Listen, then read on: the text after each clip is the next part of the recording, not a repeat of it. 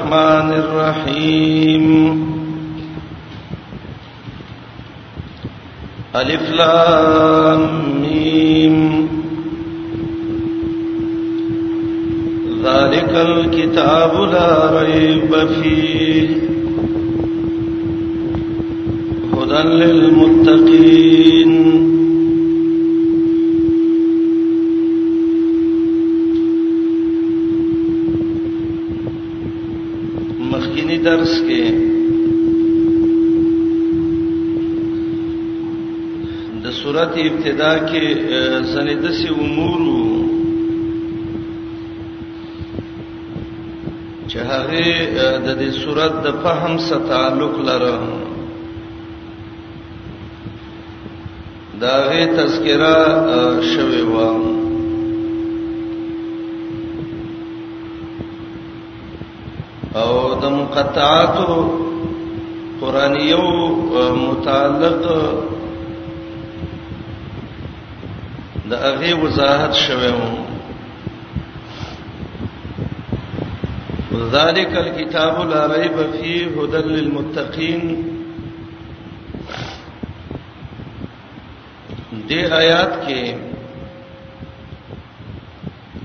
د قران کریم عظمت او لوی بیانې او مقصد د عظمت نه ده ده چې ترغیب ورکي د قران طالبانو ته او د قران کریم اوریدونکو ته چې لکه دونه خيسته کتاب ده ګور ډیر پورا دی بشک کتاب دی ګور د هدایت کتاب دی راشي دی کتاب باندې منګولې ولګوي یاد یې کوي او عمل په وکړي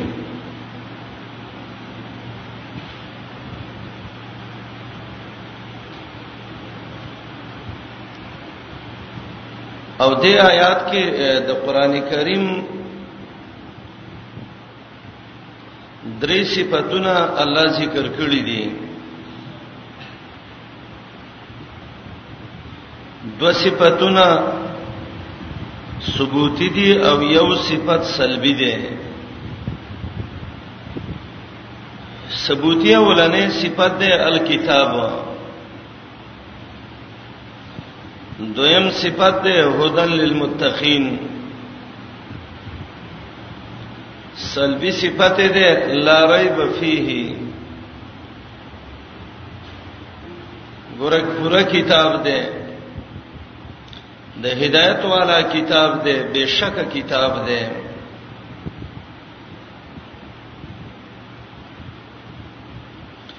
کم کتاب کې چې دا درې صفاتونه موجود دي پرواله کې هدایت پکې شک او ریب پکې نه نو دې کتاب باندې عمل کول ضروری او لازم دي نو قران کریم باندې عمل کول دا لازم دي ضروری دي د آیات کې څلور جملې دي څلور الفاظ دي بلکې پنځه چې دا یو یو موږ وضاحت کوو ان شاء الله اول لفظ د ذالک ده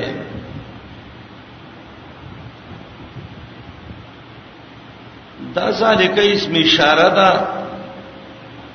یو خو اسماء اشاراتو کې دا قاعده ده چې دا مشارون الیه غواړي هغه شی چې هغه اشاره او تکیدې شي نو دې ذالکه کې څه شي ته اشاره ده دویم دا دی چې علم نحو کې دا قانون دی چې کوم شی ډیر لري بعیدی نو التا خلق لفظ د سالکه ذکر کوي نو قران خو لري نه دی نو څنګه الله ته د سالکه اشاره کوي دا دوه خبرې دې ځکه یاد کړئ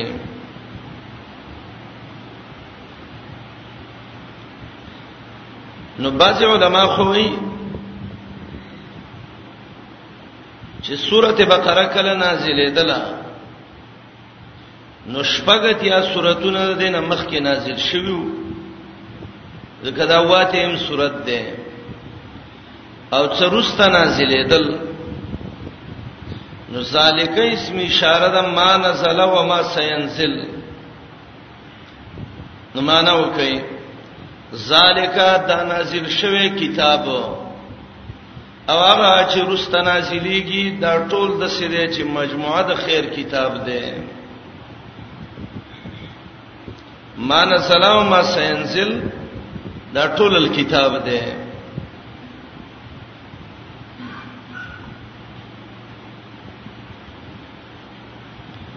دویم قول دا دی چې ذالک کې مراد هغه آیاتونو د تورات او انجیل ته اشاره ده چې په هغه کې د قران کریم صفت راغلي ده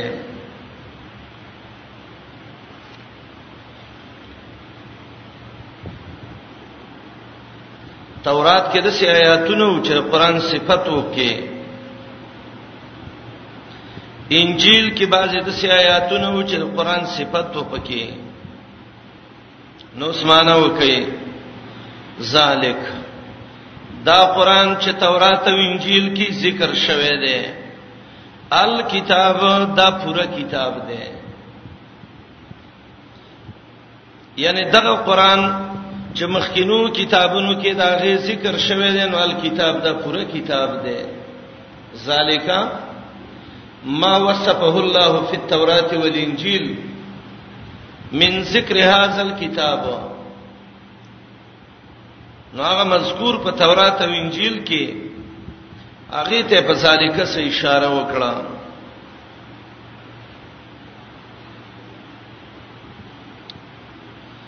دریم قول دا ده الله نبی رسول الله ته ویلو زاد المسیر کې امام ابن جوزی لیکلی دی چې سورته مزمل کې الله سو وعده کړی و اے محمد رسول الله صلی الله علیه وسلم ان سنلقي عليك قولا ثقيلا یقینا یو درنه وینا د باندې در ورسو درچوي د باندې وحی ډېر درنوا نبی سلام بارک راضی امام بخاری دا روایت راوړی دی د جمعیه خورز بوا چې کله وحی بنازلې دلا وان جبینه لا يتفسد عرقا د ګریوان نبی د خلو د سدارې والے نو ذالک اشاره ده هغه د الله اخبار ته چې سورته مزمل کې کړو چې ان سنلقي عليك قولا ثقيلا نو سوانه وکي اے نبی علیہ السلام هغه درنه وینا چې تاله درکو الکتاب هغه پوره کتاب دی چې قران دی ور درنه ده خو پورم ده درنه ده خو الله لیکلم ده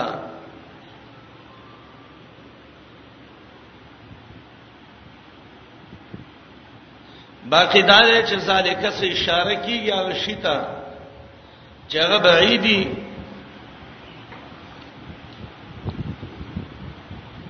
او دې مقام کې هو قران بعید نه دی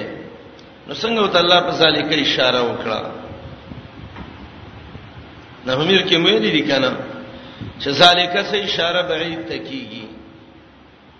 نو قران خو بعید نه دی نو څنګه الله ذالک سه اشاره وته کوي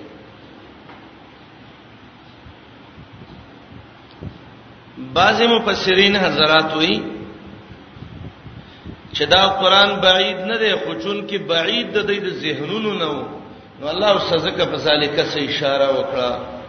ذالک دا ستاسو چې ډیر لري ذهنونو کې حسابوي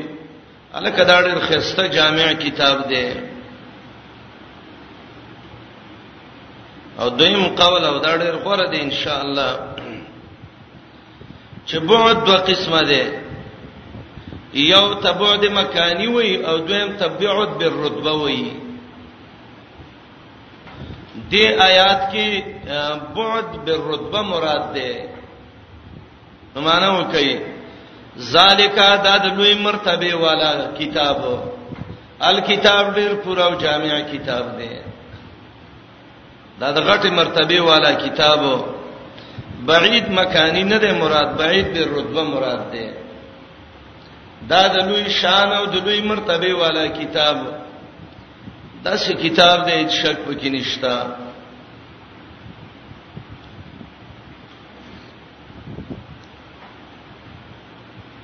دریم جواب ان شاء الله دا ډېر ښه جواب دی هغه دا دی چې دا د قران د الله قانون دی قریب تم کله ذالک باندې اشاره کوي او بعید تم کوي د نحوی قاعده یا کلیه نه ده سریه قاعده ده یاد الله کتاب د یو نحوی د وینا د وجه نه مونږ ګډوډ کوو خو نه ډېری قاعده د نحوی نو دی هغه یو شان دی قرآن او حدیث کې بل شان دی حروف باندې کسره ناراضي قران کې څه وایي فما لهؤلاء غرلی لام باندې کسره راوړل کړه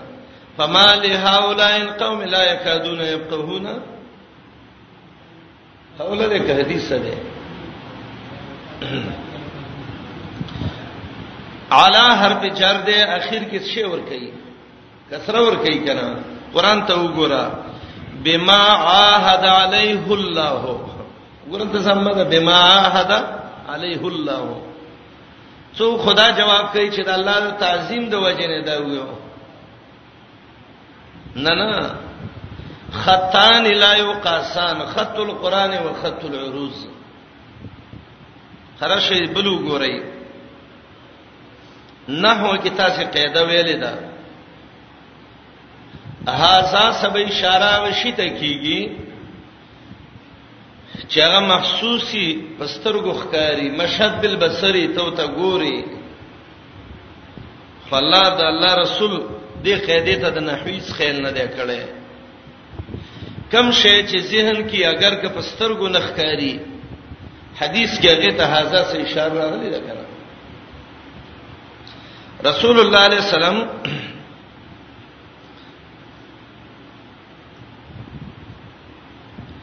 مدینه منوره کې د ام حرام چې دا یو بډای خزه و د رسول الله خپلوانو کې مترورینو کې ولسلري غونته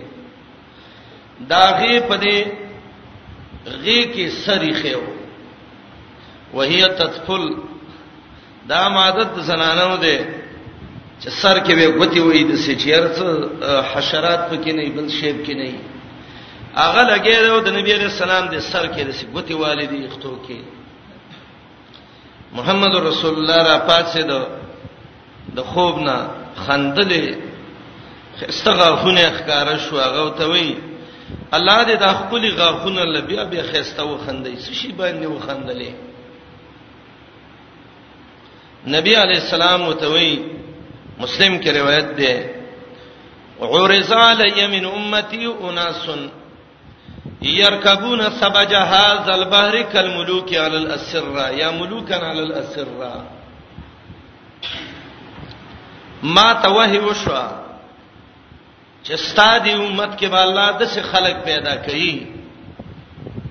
چې دا د پارس او د روم د درېبونو باندې به ورسوريږي جهاد تبروانی او د څه به خوشاله لکه بادشاهان چې تختونو باندې معاویه رضی الله عنه وخت کې دا فتح به شوی و او یا رسول الله نو دعا وکړه چې زم پکې الله مې دې کې شهید کړي هغه ز شهیدا بیا غزا کې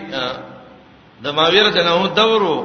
د وخې نه راوغور سیدله او دملا اډو کې مات شو شهید شو ګوره دې روایت کې دي سبا جهاز البحر په چپو د دې درې باندې د بحر فارس دی د مدینه کې خنو چې رسول الله ته وی چې هاذا البحر ذهن کې چې هغه تم هاذا باندې اشاره کیږي صحیحانو کې روایت ده صاحب مشکاتم راولې ده محمد رسول الله علیه السلام یو وفد ولا راغی چې هغه ته وفد عبد القیس ویلی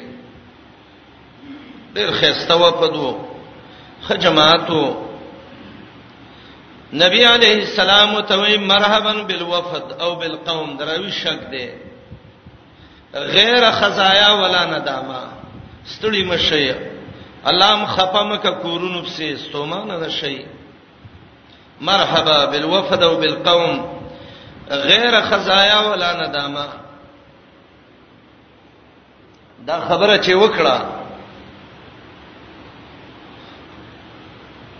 دا وفد والا نبی علیہ السلام ته وی یا رسول الله ان لا نسلو الیک الا فی الاشهر الحرم د الله نبی دا شهر الحرم نه ما سیوا ستا خاله من نشورات لله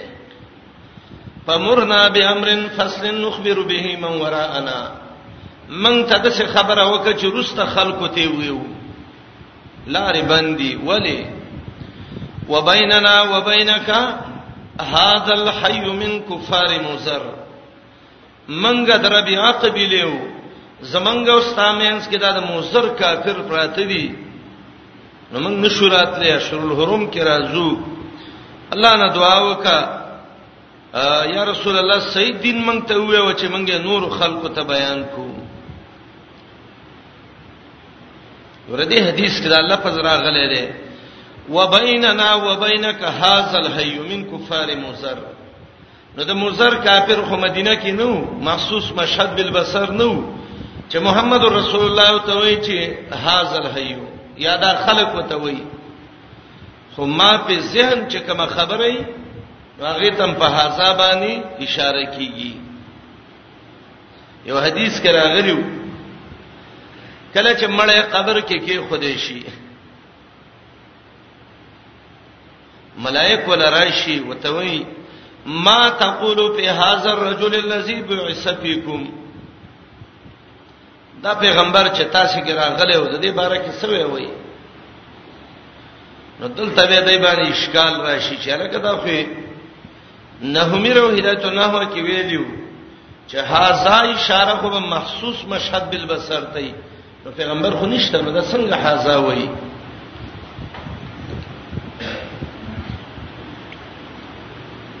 قران او حدیث نه سړی خبر نه یا به ډېر وګدي وګدي قصې کوي نو بیا بازي وای وای دا نبی علیہ السلام نه قبر کې نیخ کې نه ولې او د قبر نه هر قبر ته سوري او سړی ته وای ما تقول فی هاذا الرجل الذی بعث فیکم هغه نیغ چې قبر کې نه سیدو ته وګوره د بار کې څه وي او باځي وینا ځنې ملائک لګي د نبی رسول الله تصویرانو باسي پړقه خيږي خان او د پیغمبر تصویر ارمړی لراوړي او ته وای ما تقول به هاذ الرجل دې ځوان بار کې څه وي سادهګان دي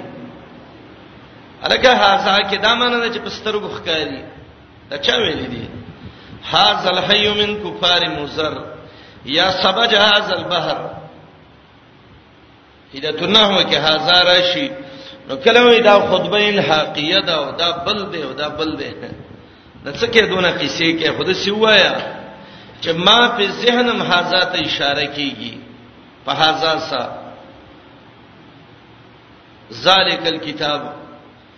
نحوی وای چې دا د بعید د فار راځي الله د دې قیدو له بالکل خیال نه کوي قران به د نحو نه تابع کو نحو به د قران تابع کو قریب ته اشاره شوې ده په ذالک سره او یا دغه معنی چې دا بعد رتبی مراد ده الکتاب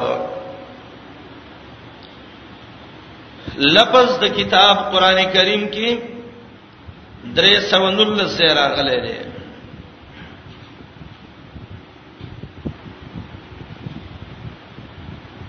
کاف تا بعد د خپل معنی نه جمع دا ماده چې راشي عربی کې د دې خپل معنی جمع کله چې ډیر خلک را جمع شي عربان هغه ته کتیبه وایي کتیبه غ دستې د فوجونو ته وایي چې باغې کې ډیر فوجین را جمع شوي مجاهدین را جمع شوي یو جماعت را جمع شوي حماسه کې بمویلی وکتیبه لبستها بکتیبه ډېر دستې د فوجونو ما په ډېر دستو د فوجونو باندې ختم کړې دي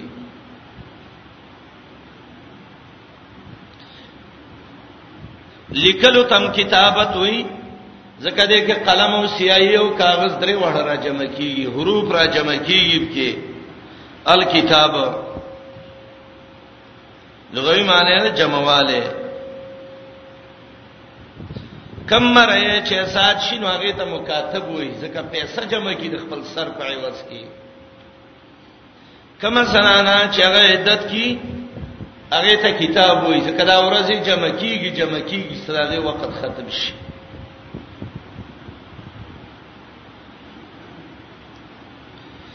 اصطلاح د قران کې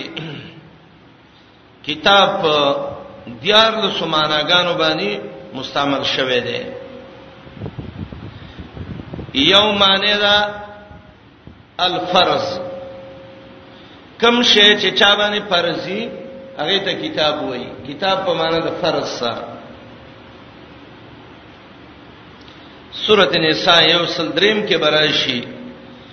الله دامن فرض کړي کتابم مفروضه فرض چې هغه مقرر شوی دی په خپل ټیم باندې کتاب په معنا د فرض سره سورته نساء او صدریم کې دي قران له وګورئ سورته نساء یو صدریم کې چې کتاب معنا ده فرض پنځمه پارا سورته نساء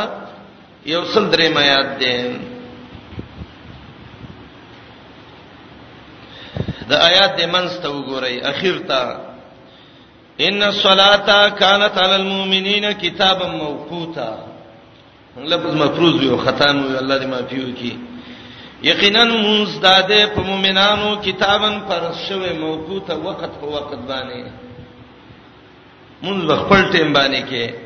بیګاری به ځان نه جوړه الته کتاب معنی وکي فرض کتابن معنی فرضن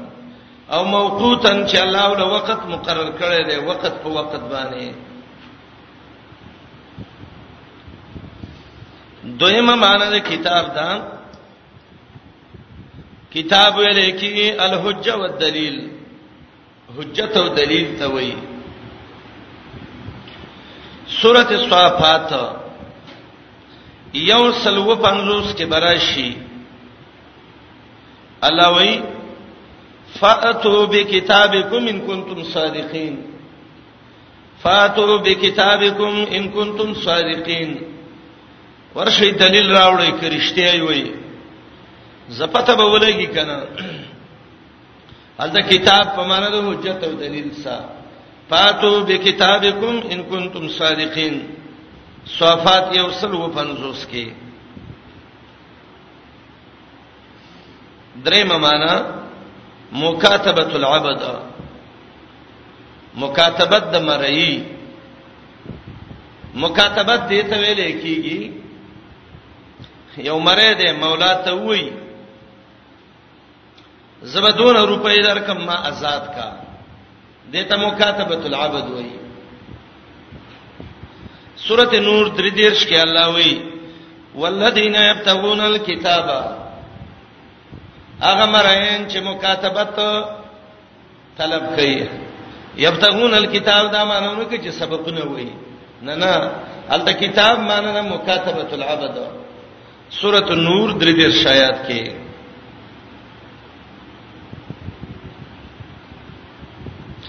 سلورم معنی د کتاب علی جل نیټه ته وایي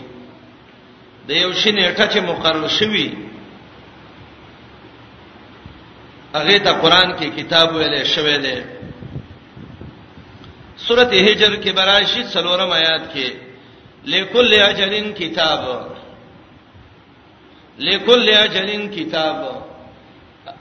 هر نیټه لا یو مقرر وخت الله مقرر کړی دی آیات د سره ګن قاری شه سورۃ ال عمران کې بمراشي کتابه مؤجلا کتابه مؤجلا الته کتاب معنی دا اجل او نیټه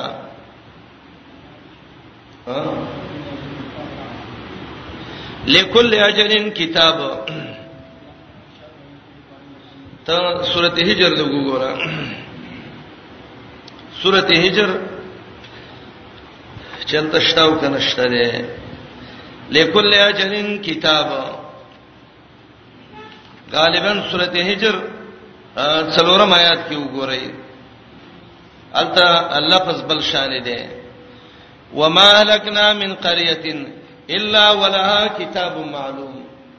الته کتاب په معنی د اجل مقدره سره دی او دا لکل اجلین کتاب د سورۃ رعد کې دی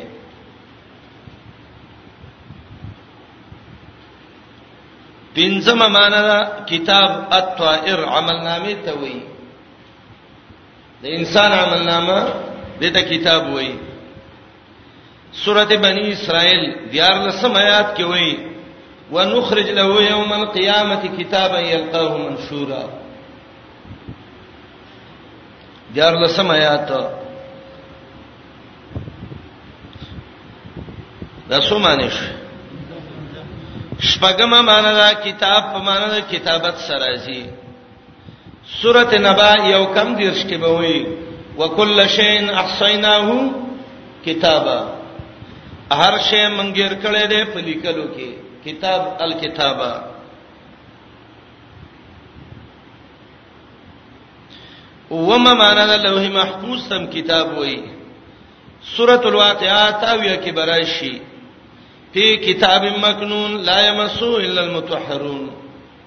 الته کتاب مکنون نه هغه لوح محفوظ او بیت العزم مراد ده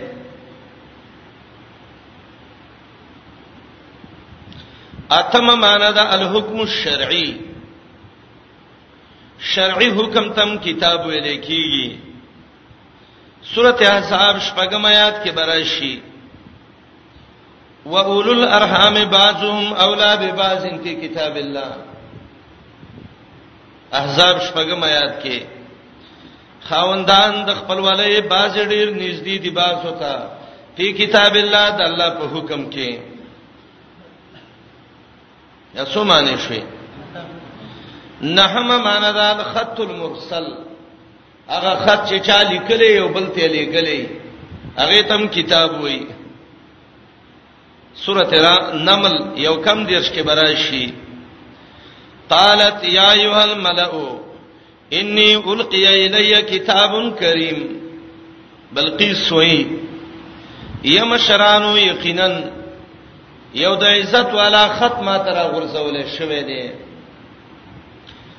انه من سليمان وانه بسم الله الرحمن الرحيم د زنانو عدتم قران کتاب ویلې ده سوره بقره 215 کې براشي یخذو او یا لکانو وعده د نکاح مکوي حتا یبلغ الكتاب اجله چې عدت خپل ټیم ته ورسی زنانه عدت کې سنې چا سنې کوونه کوي نه دا کار مکوه صبر وکړه حتا یبلغ الكتاب اجلا سورۃ بقره 215 کې راځي ما قدر الله من الرزق والعمر هغه چې الله رزق او عمر د چا مقرر کړی دی قران هغه تم کتاب ویل دي سورته اعراف وګورئ لګ آیات و در 37 کې براشي اعراف ته وګورئ کم عمر او کم رزق چې الله انسان لدی کله دی هغه ته کتاب وای آیات نیمه ته وګورئ اولائک ینالهم نصیبهم من الكتاب دغه خلک رسیږي بدایتا حصہ د دې هغه رزق او عمر چې الله تعالی کله دی الله چې څه لیکلی به خوري الله چې سونه عمر لیکل دی نو هغه به څه کوي تیرې دی دولسمه معنی د علم الله د الله علم تم کتاب وایي سورۃ انعام وګورئ یو کم شپته نمبر آیات 59 نمبر آیات سورۃ الانعام دا لا علم تم الله کتاب ویلې ده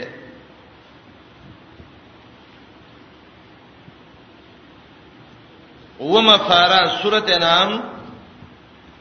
یو کم شپې ته نمبر آیات دا آیات اخر ته وګورئ خا وعنده مفاتيح الغيب لا يعلمها الا هو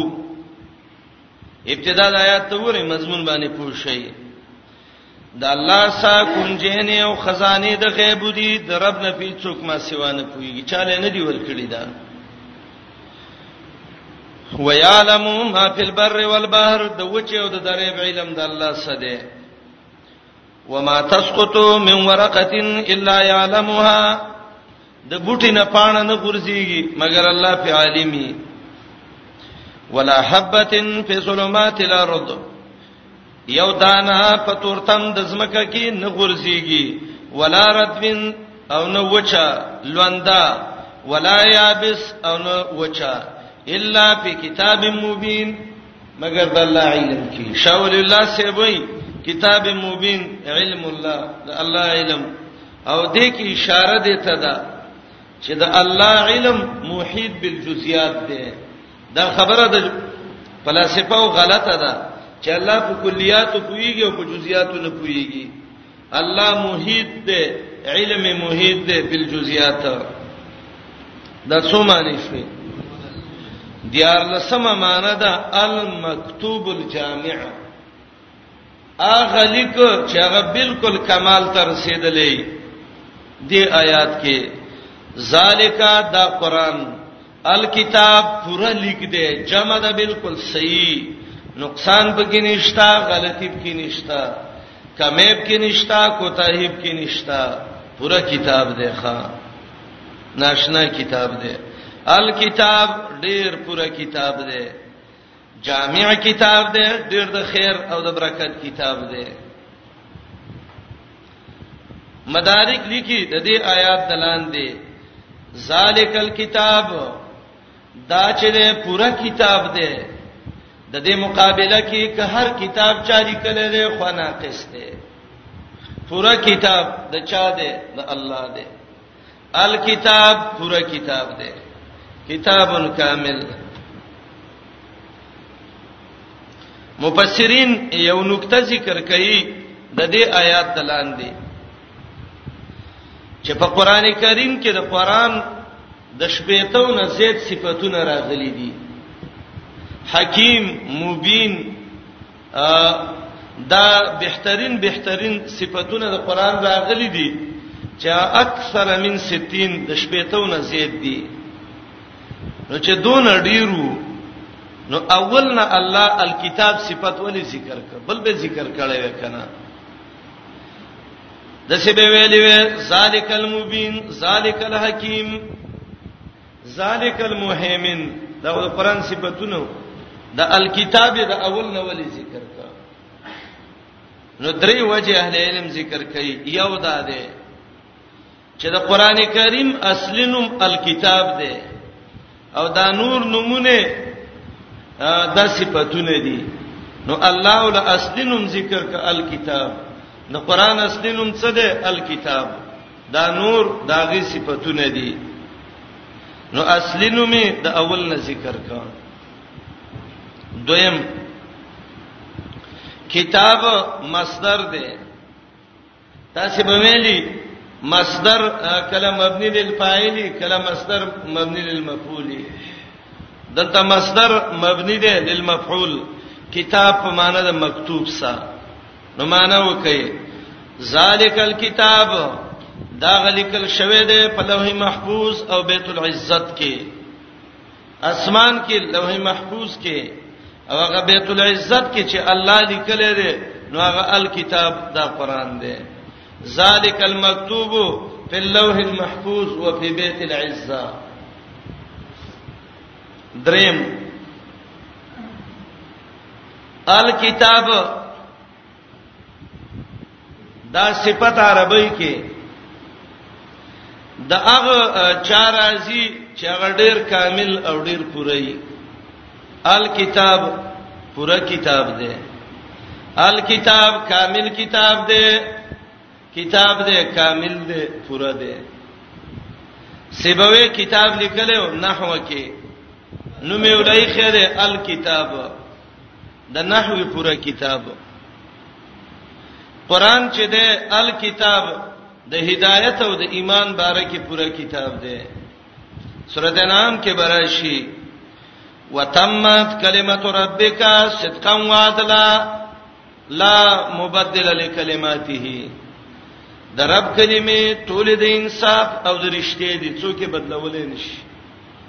نو الکتاب ذکر ک اول نه دې ته اشاره وکړه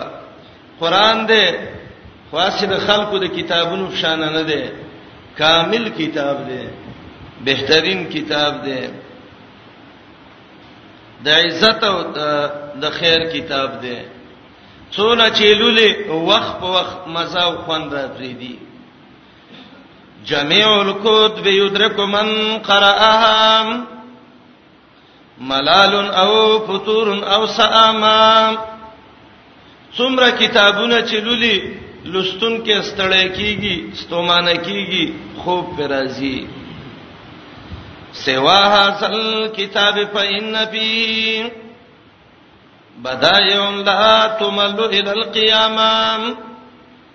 ما سیوا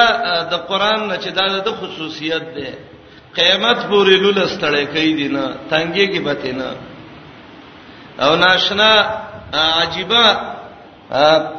مسله د قران ده د غټ مولا د خلینې اوره اما سکی زما پشان دی وړو کې طالب د خلینې او را هم مزه کوي یو مسلمانه زنانه وای ماشومه وای چې هر څوک وای ناشنا خواندې کې د مشکو عنبرو کټوټې د کار څوک پکې ګوتی وای بوې پری دی ال کتاب پورا کتاب دی بهترین کتاب دی ډېر د خیر کتاب دی الله دې په موږ پوهه کی او الله دې په موږ له عمل راکړي فهم القرآن تدبر القرآن الله دې دا ماده موږ کې پیدا کړي الکتاب ناشنا کتاب دې د خیر کتاب دې جميع العلم في القرآن لكن تقاصر عنه ابهام الرجال د خلق ذهنونه یو خوا بل خوا ته کوتا شو علوم ټول قران کې دي ښا ناشنا کتاب الکتاب دا یو صفت د قران اسی کتاب نه دی ګورا الکتاب پورا کتاب دی الف لام باندې چوتوي دویم صفت د ثبوتی صفت دی ها لا ریب فی شک نشته د قران کې قانون دا دی د کمال دو سببونه دي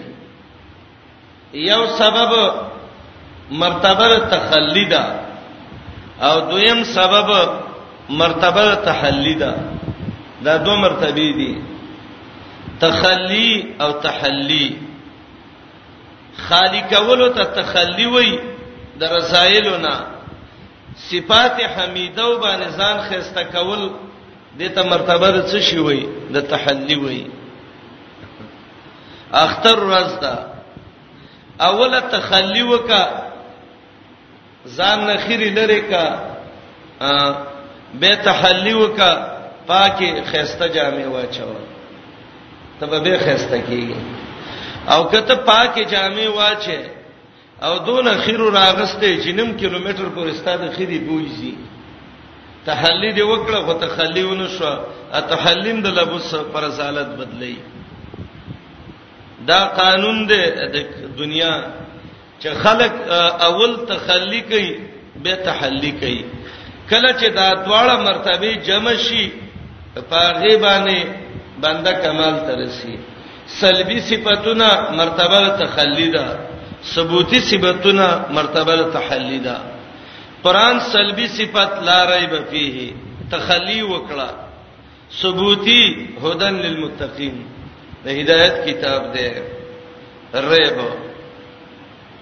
السلام علیکم تعال کولو پخپلو دعا غانا حتا ته لفظ درب پنځه دیر سے قران راوړل دی اته دیر سے د ماده قران ذکر کړی دا ریب څه شي ته وای ابن اسیر لیکلی دی چې ریب څه ته وای قلق النفس و استراب النفس ایسر تفاسیر کې انتناقل کړی دی زړه ګډوډې دل سوچ او فکر ګډوډ کېدل قلق النفس و استرابها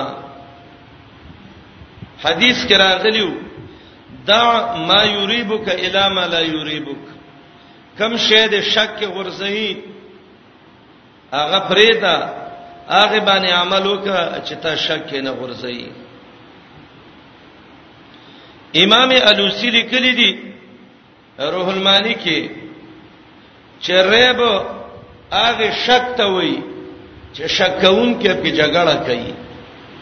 او شک هغه ده ک دلیل وته وې نو دا زایل کیږي لا ریب فيه دریم ریب چې ده دا په مقابله کې ذکر کیږي مشرکین د قران مقابله کوله الله وی لا ریب فیه وان کنتم فی ریب قران کې شک نشتا او د لا ریب کې دا لام دې ته لام لنفی الجنس وایي او ریبن نکره ده د لا نرست واقع شوی ده نور لنوار کې بم قاعده ویلي سلم کې بم د ویلي بمي چې قانون دار چې نکیره په سیاق د نفي کې راشي دا درې شینه پیدا کوي شی یو د غنمونه درې دي سلب کلی پیدا کوي عموم السلب پیدا کوي شمول النفي پیدا کوي دا نمونه دي دلته ریب نکیره ده د لال نه په جنس ده او د نفي نرست راغله ده علما وی افاد عموم السلب عموم السلب پیدا کو معنی دا د لا ریب فی هیڅ قسم لا شک دی کتاب کې نشته دی او که څوک شک کوي دا بلې ونی دماغ به خرابې قران د سیونه ویلې چې لا شک فی قران ویل لا ریب فيه د دې اصل وجدا د ورونو نه په دریب کې زیادت کمال دی د نه په د شک نه ولی ریب هغه شی ته وایي لا ریب فیه دا متضمن ده پنځو امور لا مفسرین ذکر کړي شکل شبهه لا اختلاف لا تناقض لا اعوجاج لا نو معنا وکي لا ریب فیه نبک شک شتا نب کې شبهه شتا نب کې اختلاف شتا نب کې تناقض شتا او نب کې اعوجاج او کوګواله شته دی ولم یجعل له عوجا او کلا شکه ویلی وی نو دون عموم نه پیدا کو ریب هغه ته وای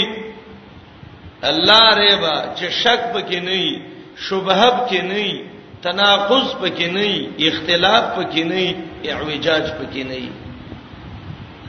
او لا شک کې دون عموم نه و دون کمال نه و دځه کې یو سوال راځي سوال د څه دی چې د دې آیات نه معلومیږي چې قران کې ریب نشتا صحیح ده کنه رسته قران وای و ان کنتم فی ریب کریب می ناغه نه معلومیږي چې ریب شتا دویم ډیر خلک دي چې هغه قران کې شکونه کوي او الله وایي چې ریب پکې نشته دی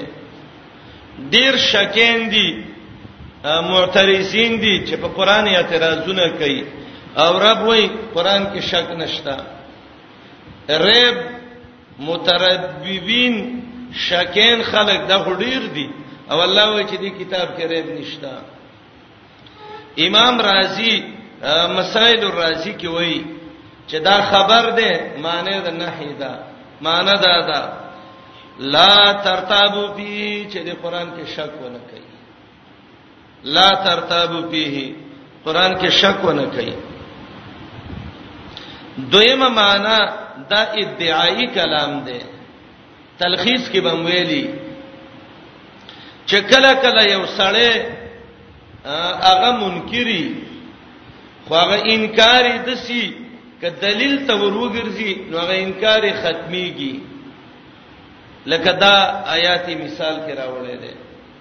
قران کې خلک شک کوي خو که صحیح قران ته رجوع وکړه نو دا ریب ختميږي ځکه قران کې د څه دلایل دي چې د دې ریبونه د مخې سره ختمي لا ریب فيه مان ليس ریبهم بریبن د دې شک څه شک نه دی ځکه قران کې د څه دلایل دي کدی ور متوجی شو د غریبونه بالکل ختميږي ليس ريبهم بريبن زاد المسير کې ابن جوزي لیکي لا ريب فيه بانه هدن قران کې شک نشته په دې معنی چې دا د هدایت کتاب دی لا ریب فیه بانه هدى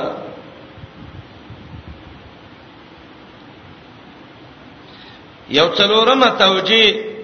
او ان شاء الله دا ډیره غوړه ده هغه دا ده چې لا ریب فیه من رب العالمین دې کې شک نشته چې دا قران د الله د خوانه را لېګل شوی دی لا ریب فیه بانه منزل من رب العالمین قران کې دا شک نشته چې دا د الله د خوانه را لېګل شوی دی او د دې معنی تایید قران به به ذکر کړی دی دې ځکه وګورئ لا ریب فیه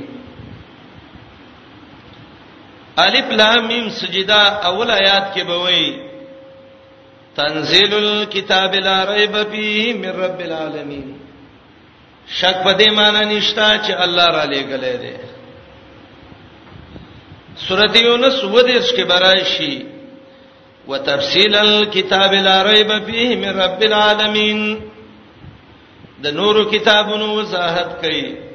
شک پکې نشتا په دې معنی چې الله را لېګل دی او دا رب د یو مثال په طریقه ذکر کا د کلی کې موږ ناشتیو ډیر خلک یو یو غریب سړی را پاتېږي هغه وای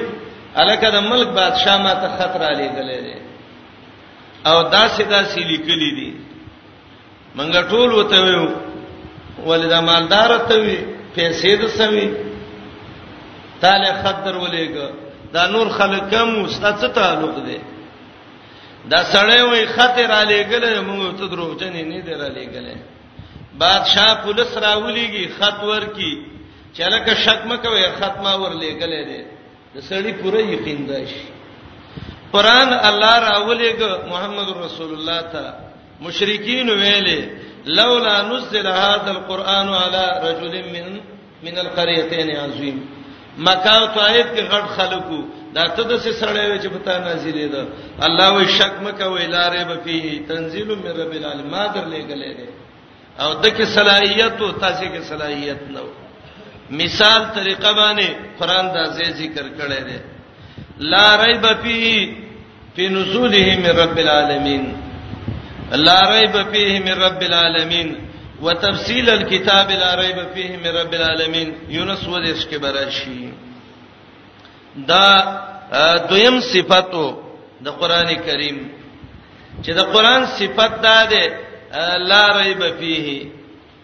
د شک کتاب نه دی او که څوک شک کوي قران کې نو دا شک څه د پیدې والا نه دی د سینه ده چې دا خلاص کی د الله د عذاب نه دریم صفت هدن للمتقین دا دریم دا ثبوتی صفت ده قران هدایت ده د پاره د پرېزګارانو دا هودن صفت ثالث ده د الکتاب د پاره دا سوال ونه کوي چې الکتاب خو معرفت د ذات ده او هودن خو مصدر ده مصدر وصف ان وصف څنګه ذات د پاره دا غي صفت واخیش نو قاعده تاسو ویل ده چې دا مصدر دی خو مصدر په معنی د اسم فاعل څه دی په معنی د هادین څه بنی اسرائیل ګورئ هودن مصدر دی او مصدر په معنی د وصف څه دغه څه دی مبني للفاعل په معنی د اسم فاعل څه دی پنځلسمه پارا بنی اسرائیل ګورئ آیات نه هم ته وګورئ ان هذا القران يهدي للتي هي اقوم یقینا دا قران هدایت کوي نو چې څوک هدایت کوي هغه ته هادي وای کنه نو هدن معنا هادن دې قران کې هدایت ده دا د هدایت کتاب ده دویم دا هدن بعض علما وایي د ته فاعل د زو قضا وایي او دا بنا ده په تقدیر د زو باندې هودن یعنی زو هدا د هدایت والا ده که هدایت ګوره قران کې وګوره که هدایت ګوري د قران نه هدایت را واخلا هدایت الحکمت کې به څه هدایت دي فلا فی تصانیف الاسیر هدایت ولا فی کتاب ابن سینا شفاءکم د ابن سینا شفا کې به څه شفای هدایت الحکمت کې به څه هدایت دی هدایت والا کتاب قران دی او دا هودن د قران په صفت کې نل لزه قران ذکر کړی دی او تعبیر الله په مصدر سره کړی دی هادی نه ویلې هودن ویلې کتابونو کې ویل دي چې تعبیر بالمصدر یفید المبالغه دا مبالغه پیدا کوي هودن به حد ډېر هدایت والا کتاب دی ناشنا کتاب دی دی آیات باندې باز خلکو یو اشکال کړي هغه دا دی چې په قران کې هم مقطعات هم راغلي دي ایوا په قران کې متشابهات هم راغلي دي نو متشابه کې څنګه هدایت ده ز قران کې هدایت ده متشابه باندې ته پوېږي نه نو چې پوری په نشو نو هدایت به ته څو اخلي نو بعض سادهګانو خو جواب کړي دي چې دا په اعتبار د عام اغلا افسد ده غالب قران کې هدایت ده او لګ لګو کې دي نه نو تب تزانی ډیر غوسه شوه دی یو ځای کې وای تعالی الله عما یقول الظالمون علوا کبیرا دا اوس ډیره د سلام خبره ده د قران هر لفظ لفظ کې هدایت ده او کته چې متشابهاتو کې څنګه هدایت ده نو د سلف او عقیده ده ده چې متشابهات محکم المعنا دي مجهول الکیفیت دي او د څه شي معنا چې محکمه نو پاره کې حکم او فواید پراته دي متشابهاتو کې حکم شته دي فواید پکې دي دویم اگر راسخین په علم کم خلک چې مضبوط په علم کې دي هغه ته فائدہ الی کنه څنګه په دې علم دې چې کله من عند ربنا دا زمونږ د الله د خوانه دي نو علم په دې چې د الله کلام دی دا یو قسم له هدایت دی ځکه علم بانه کلام الله نوع من الهدایه دا یو قسم له هدایت دی هودن قران د هدایت کتاب دی او للمتقین دا غچا د پاره دی چې هغه کې تقوی معلومی کې دا ده چا کې چې تقوا نه د قران نه هدایت نشي غسته وای قران مې ولسته خو هیڅ اثر را باندې نه کړ تا باندې به څه اثر وکي تا کې تقوا نشته تقوا ځان کې پیدا کا چې تا کې اثر کوي او کني کوي دې آیات کې عجیب کلمه رب العالمین ویلې ده الله وی قران کې د متقینو د پاره هدایت ده سیدا کنا نو قران کې عمومي هدایت ده د قران هدایت د متقینو د پاره نه ده سورته بقره وګورئ یو سل پنځاتیا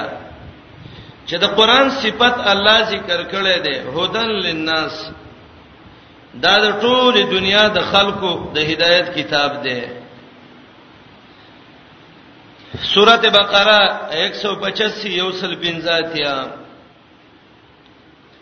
شهر رمضان الذي انزل فيه القرآن میشت روزه هغه چې قران په کې نازل شوه دی هدن للناس د ټولو خلکو هدایت دی التوی هدایت د ټولو دی دلتوی هدن للمتقین هدایت د چا دی متقین دی د دې څه مقصد مقصد د دې بعض علما وایي چې للمتقین کې د تلام للانتفاع وای لام د څه شي د پاره وای د نفع د پاره او دې کې دې ته اشاره ده چې انابت او هدایت دا حاصلېږي په تقوا باندې نو معنا دا ده هدن قران هدایت دې ټول خلق لا خو للمتقین فائدہ ته د تقوا والا اخلي نور خلک ته فائدې نه اخلي هودن لنفع المتقین دویمه معنا مدارک کړي دا چې دا متقین ورته ویلې په اعتبار د ما یقول الیه سا لکه من قتل قتیلا فله سلبه دا غي قبیله نه ده چا چې مړې مړ کړي مړې څوک مړ کوي یعنی هغه انسان چې آینده کې څه کیږي مړ کیږي نو دلته هم دغه معنا ده هدایت ده للمتقین للسائرین الی التقوا هغه خلق ته چې تقوا کې راځي چا کې چې تقوا راځي قران هغه ته هدایت کوي هدن للمتقین هدن للسائرین الی التقوا مدارک لیکلي دي د دې آیات لاندې دریم تقوا کې مرتبه دي زیرستوي م ان شاء الله مراتب التقوا نو چاته یو مرتبه حاصلې بل نه نو په قران غبلم حاصله کی به ته بل نه حاصله نو په قران غبلم حاصله کی نو هدایت خو متقین لده لیکن تقوا کې ډېرې مرتبه دي دا اعتراض څوک ونه کی چې متقی خو اسیم د هدایت والای نو څنګه هدایت متقین ولده به د هدایت نه متقین شرات ده الله وی متقین له هدایت ده نو یا متقین به اعتبار ما یقول الیه او یا متقین تقوا کې مرتبه دي څلورمه معنا هدن هدایت په معنا د تثبوت او استقامت سره زی هدن للمتقین د قران کې تثبوت ده هغه چاله چې هغه د څه د تقوا والي کم خلک چې متقینی تقوا کې قران هغه خلق مضبوطی په تقوا باندې متقی چاته وایي متقی تقوا د وقایت نه ده وقایا خپل معنی ده حفاظت د کتاب غته ته وقایه وای ځکه کتاب د دې په وجه د شلیدونه محفوظ کیږي متقی تقوا هغه خلک چې حفاظت پکې د ځان د ساتلو متقی چاته وای امام قرطبي الجامع کې لیکي اول جز یو سل یو شپه ته کې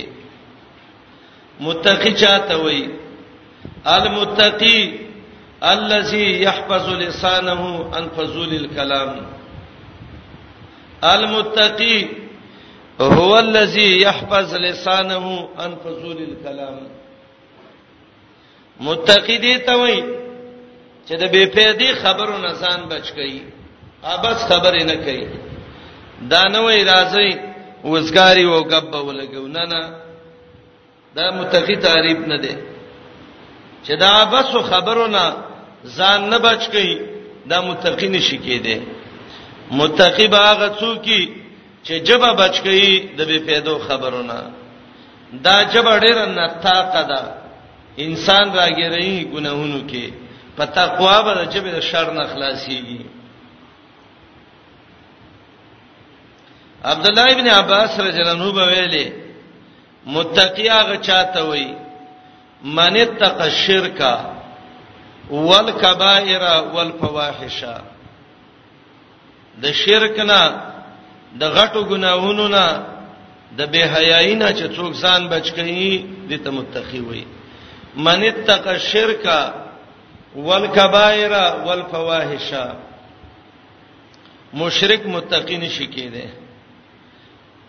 ګناګار متقی نشي کېده بے حیا سړی بے حیا خزا متقی نشي کېدله متقی باغ څوکي چې نه مشرکی نه مرتکب الکبیرای نه بے حیاي درېمه معنا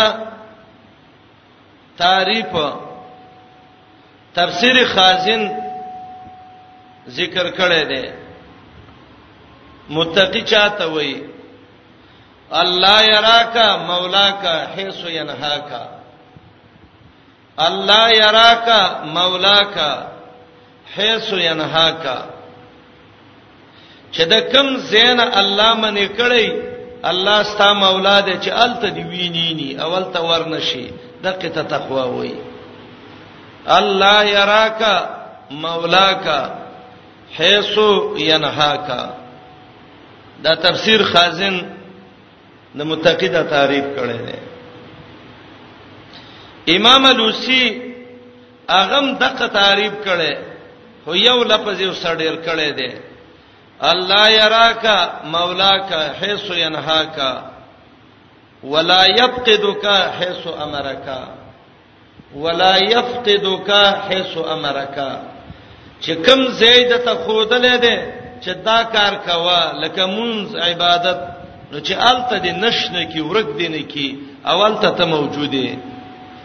الله يراك مولاك حيث ينهاك ولا يفقدك حيث امرك امام الوسی رحمانی والا وای د علی رضی الله عنه قول ده تفسیر خازن تفسیر نسابوری ذکر کړی دی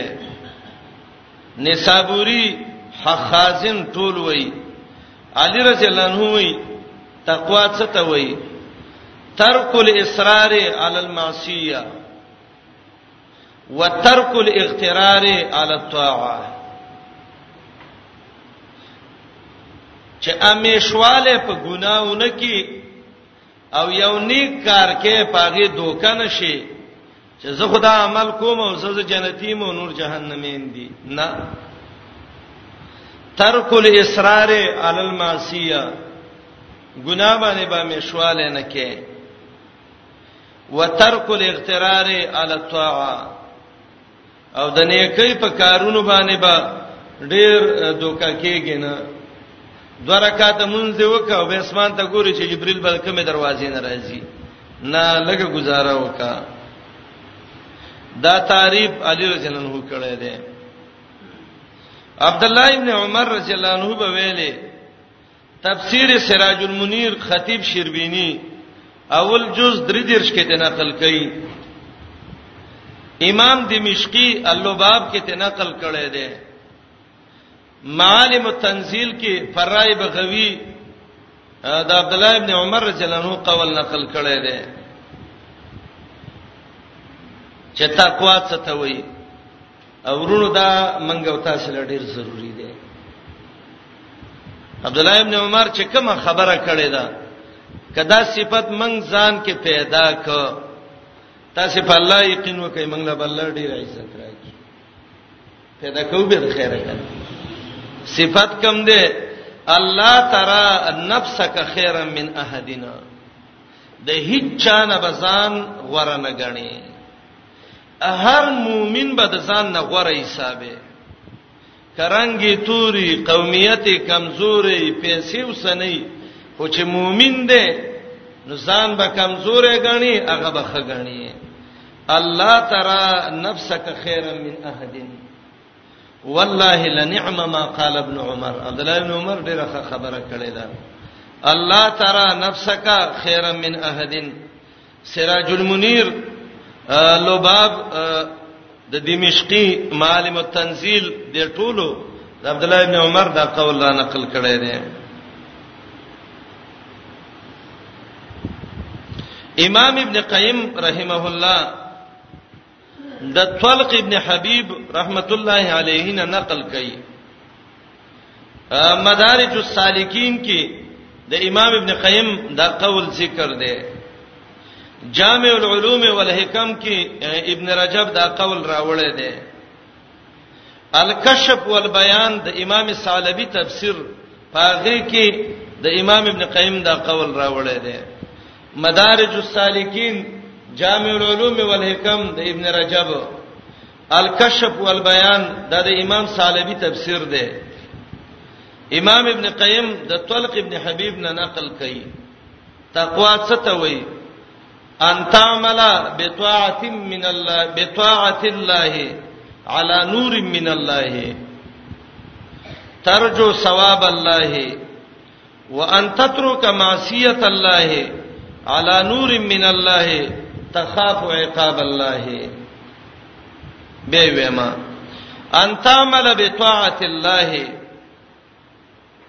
چې د الله په تابعداري عمل کې خو علی نور من الله چې د الله د طرفه یو دلیل د سم موجودی او ترجو ثواب الله چې ته امید ساتي چې مال به الله په دې اجر راکړي د دلیل د وجه نه یو عمل دی وک دی وجه نه دیونه ک چې پلانې کوي زم کوم نه دلیل باندې دی وک نیت دی داو چې مال به الله په دې باندې څه وکي ثواب راکړي وان تترک معصیت الله د الله خلاف پرې دی علی نور من الله د الله د خوانه دلیل د صحیح او تخاف عقاب الله چې د الله د عذاب نه یریږي دقه ته تقوا ویلې کیږي دا کار نکوم ولی زما الله ویلې دی می کوا الله به عذاب راکی دا کار کوم ولی زما الله ویلی چې وېکا الله به ثواب راکړي طلق ابن حبیب امام ابن قیم مدارج السالکین کې د دنه نقل کړي دې ته تقوا وایي